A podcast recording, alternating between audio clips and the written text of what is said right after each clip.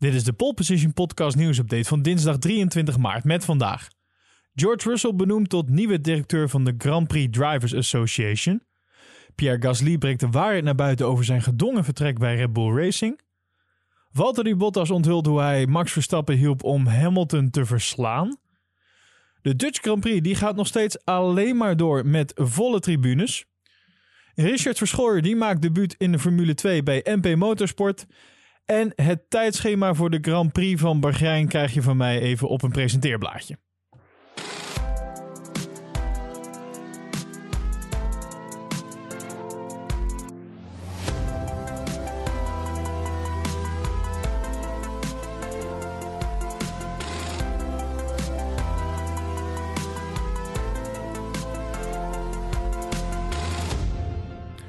George Russell, die is benoemd tot de nieuwe directeur van de Grand Prix Drivers Association.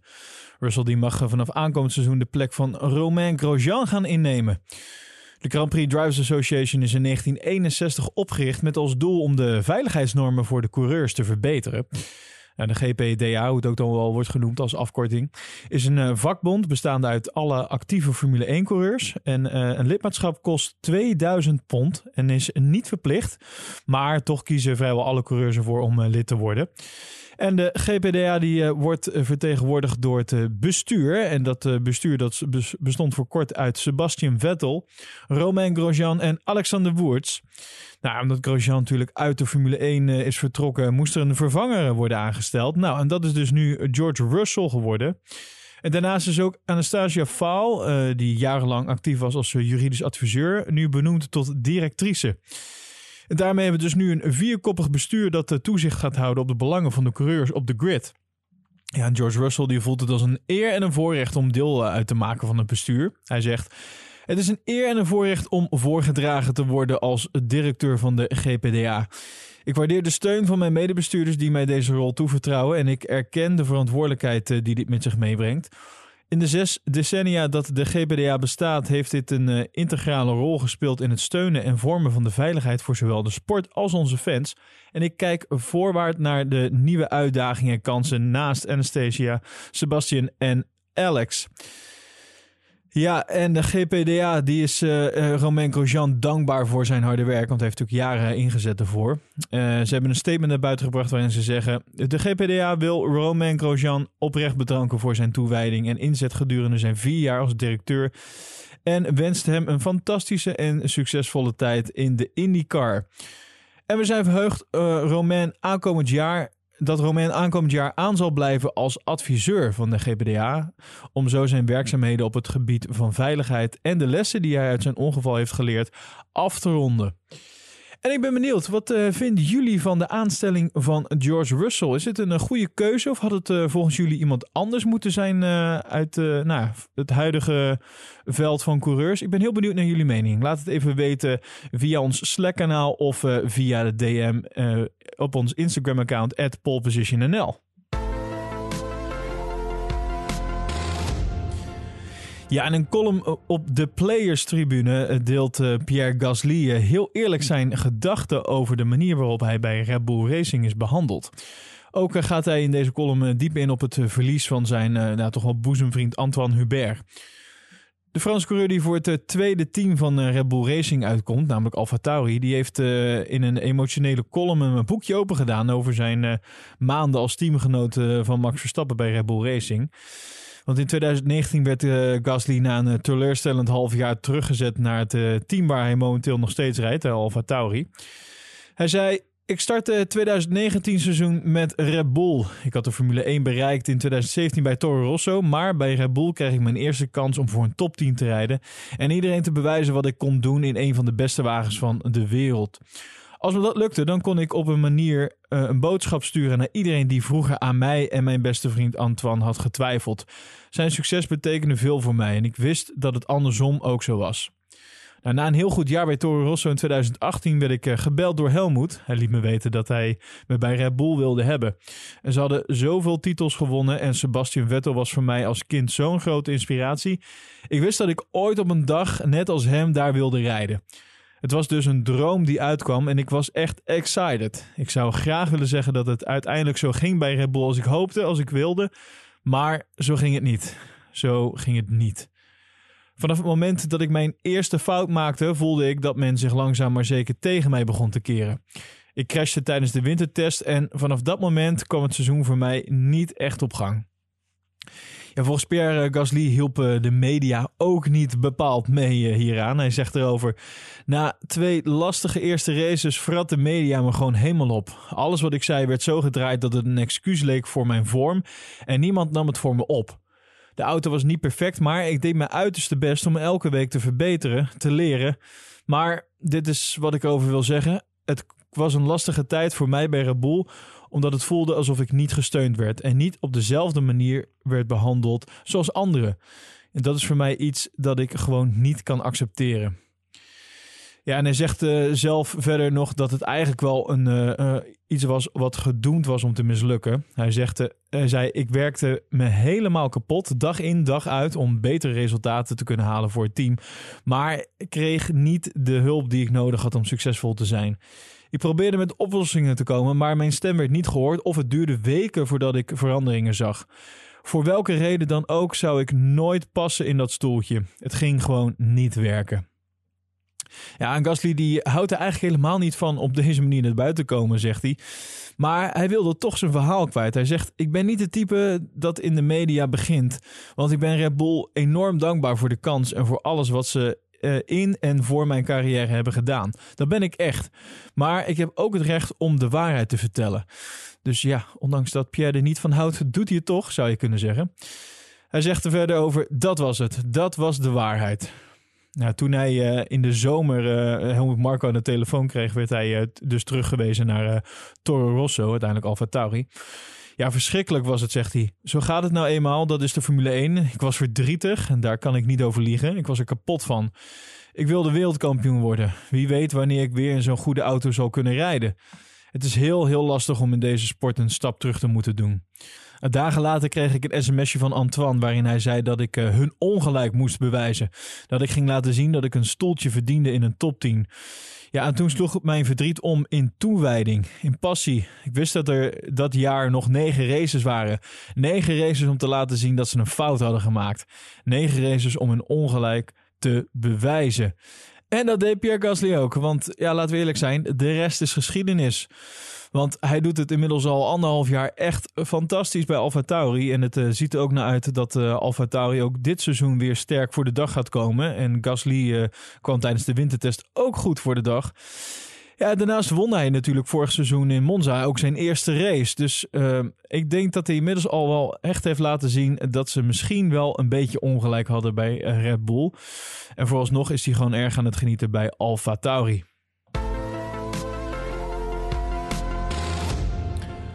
Ja, even een kleine spoiler voor de mensen die nog geen Drive to Survive hebben gekeken. Dit uh, bericht gaat over een van de afleveringen en uh, bevat dus spoilers. Dus als je het nog niet hebt gekeken, uh, doe even door, doorskippen. of zet hem voor pauze en luister deze, deze aflevering later een keertje terug als je het wel hebt gekeken. Dan gaan we het namelijk nu hebben over Valtteri Bottas. Want die deed een uh, bijzondere openbaring in de Netflix-serie Drive to Survive, waar uh, in aflevering 3 uh, werd ingezoomd op de Fin. Hij vertelt hoe hij Max Verstappen hielp om zo Lewis Hamilton te kunnen verslaan. Ja, Valtteri Bottas die wordt door velen toch wel beschouwd als de nummer 2 van Mercedes. Hè? Dat is niet zo gek als jouw teamgenoot al zes keer wereldkampioen is geworden.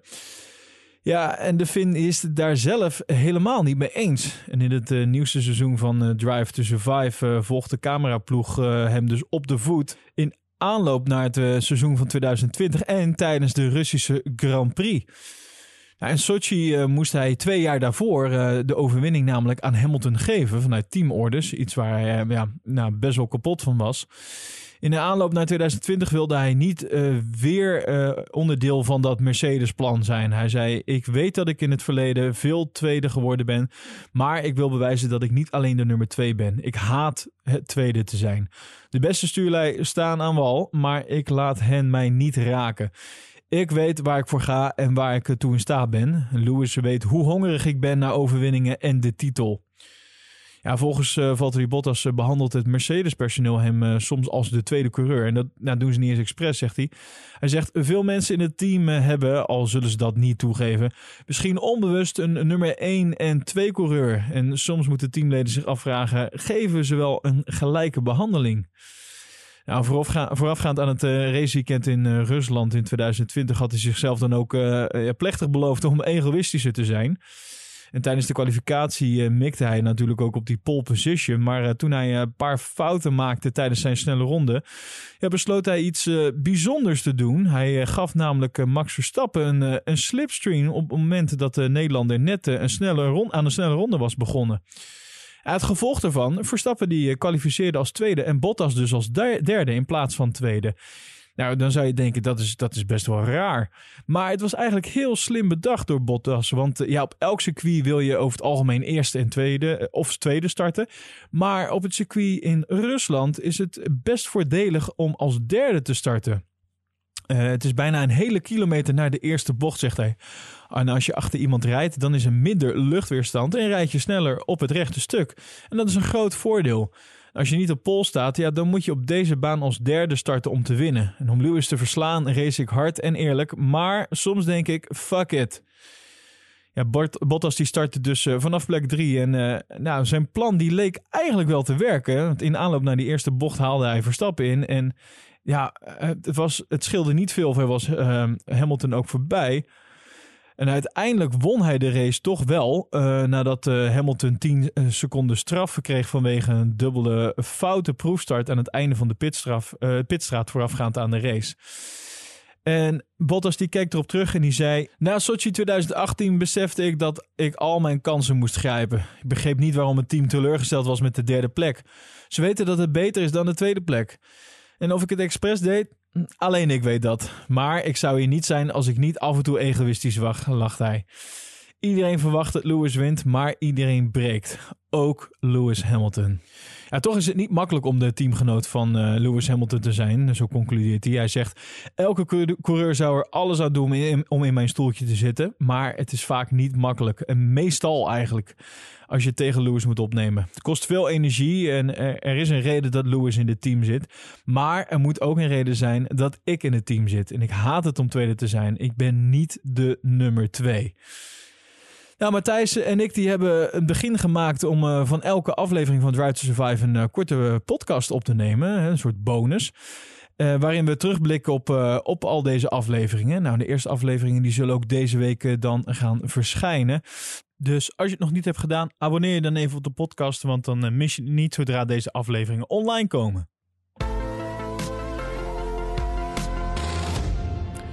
De Grand Prix van Nederland die gaat op 5 september 2021 alleen door als er met een vol huis gereden kan worden. Dat heeft eh, Robert van Overdijk, de algemeen directeur van Circuit Zandvoort, eh, nogmaals duidelijk gemaakt. Ja, vorig jaar zou de Formule 1 voor het eerst sinds 1985 weer terugkeren naar Zandvoort. Maar vanwege het coronavirus moest dit eh, worden uitgesteld. Nou, verschillende circuits in Europa die uh, tonen zich vorig jaar bereid om een wedstrijd zonder publiek te organiseren. Denk aan uh, Silverstone of uh, de Hungaroring en Spa-Francorchamps. Nou, Zandvoort die had daar geen oren naar. Want een race eh, voor lege tribunes, dat, dat, dat, dat kon gewoon niet. Want de terugkeer van de Formule 1 naar Zandvoort en naar Nederland, dat moet groots gevierd worden. En dat kan alleen maar met fans. Ja, voor dit jaar staat de Grand Prix van Nederland op uh, 5 september dus gepland. Maar ja, ook ditmaal is dus die aanwezigheid van het publiek echt een harde eis voor het circuit van Zandvoort. dat heeft Van Overdijk laten weten aan de NOS. Hij zegt: Eigenlijk is er niets veranderd ten opzichte van vorig jaar. Op het moment dat wij geen hulp krijgen, dan is het nog steeds alles of niets. We hebben Hugo de Jonge, de demissionair minister van Volksgezondheid, Welzijn en Sport, vorige week eh, gehoord. Voor 1 juli kan iedereen gevaccineerd zijn. Dus we gaan gewoon verder met organiseren alsof er straks 104.000 mensen per dag op het circuit zijn. Nou ja, als. Uh, van overheidswegen wordt bepaald dat de race met minder publiek verreden moet worden, bijvoorbeeld, uh, bijvoorbeeld met de helft per dag, dan zal de overheid of de FOM moeten bijspringen. Zo pakte vorig jaar bij de Grand Prix van België de Waalse overheid de rekening op zich om een race zonder toeschouwers toch mogelijk te maken in Spa. Ja, het circuit in Wallonië is natuurlijk een enorme trekker voor die regio. Er kijken toch 450 miljoen mensen naar zo'n gebied. En die komen wellicht allemaal in een later stadium ooit nog een keer terug daar. Dus ik snap die de Waalse overheid wel, zegt Van Overdijk.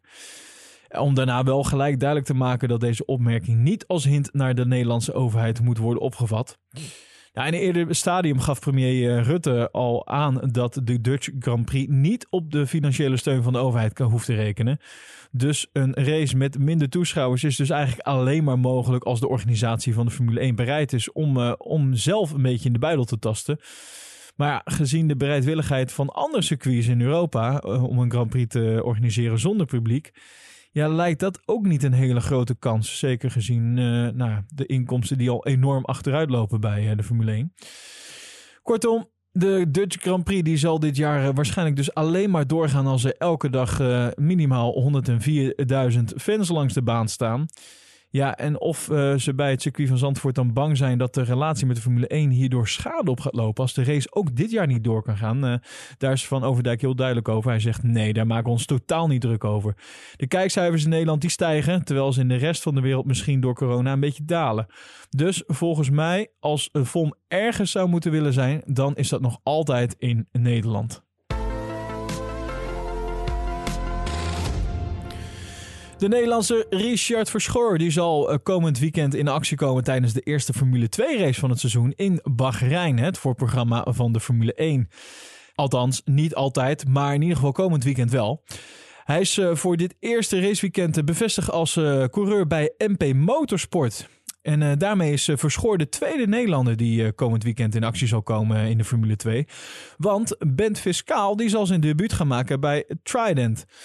Richard Verschoor die reed de afgelopen twee seizoenen in de Formule 3 en hij deed het daar erg goed. Hij won uh, bijvoorbeeld de Macau Grand Prix. Ja, nu heeft de MP Motorsport hem dus uh, gepromoveerd. Nou, de Nederlander die is wel erg bekend bij het team, aangezien er al jaren deel van uitmaakt. Vooralsnog gaat het om een deal voor alleen het openingsweekend in Bahrein. Zo meldt motorsport.com Nederland. Verschoor die zal dan samen met de Lirims en Daily plaatsnemen in de Formule 2 bolides van MP Motorsport. En of Richard Verschoor de rest van het jaar ook in deze raceklasse dus zal blijven, dat is op dit moment nog niet duidelijk.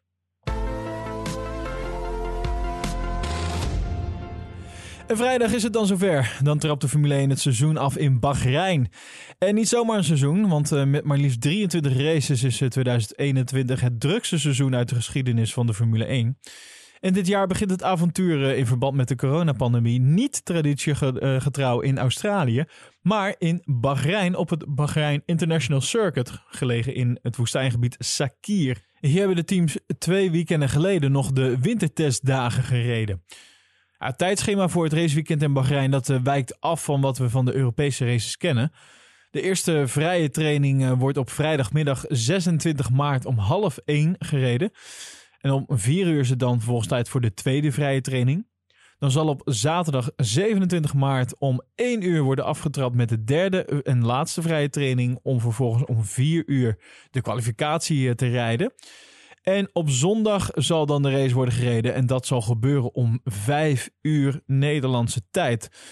Kortom, uh, ja, het gaat weer gebeuren, eindelijk. En uh, dit zijn ook nog mooie tijden voor, uh, voor ons. Dus uh, ja, ga alvast even je chips en je bier inslaan. Of je wijn. Of nou, wat dan ook. De M&M's.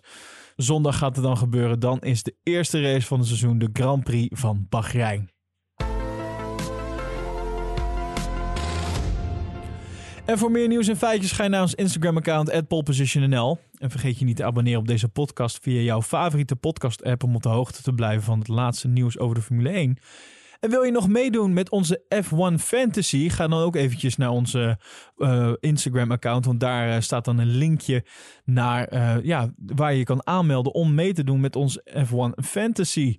En als je niet weet wat dat is, kijk dan eventjes op de website van de Formule 1. Daar staat het helemaal uitgelegd. En vind je deze podcast nou leuk en wil je ons financieel steunen? Kijk dan even op petje.af slash. Want met jouw donatie word je automatisch lid van de Pole Position Podcast Pit Crew. En heb je recht op leuke bonussen.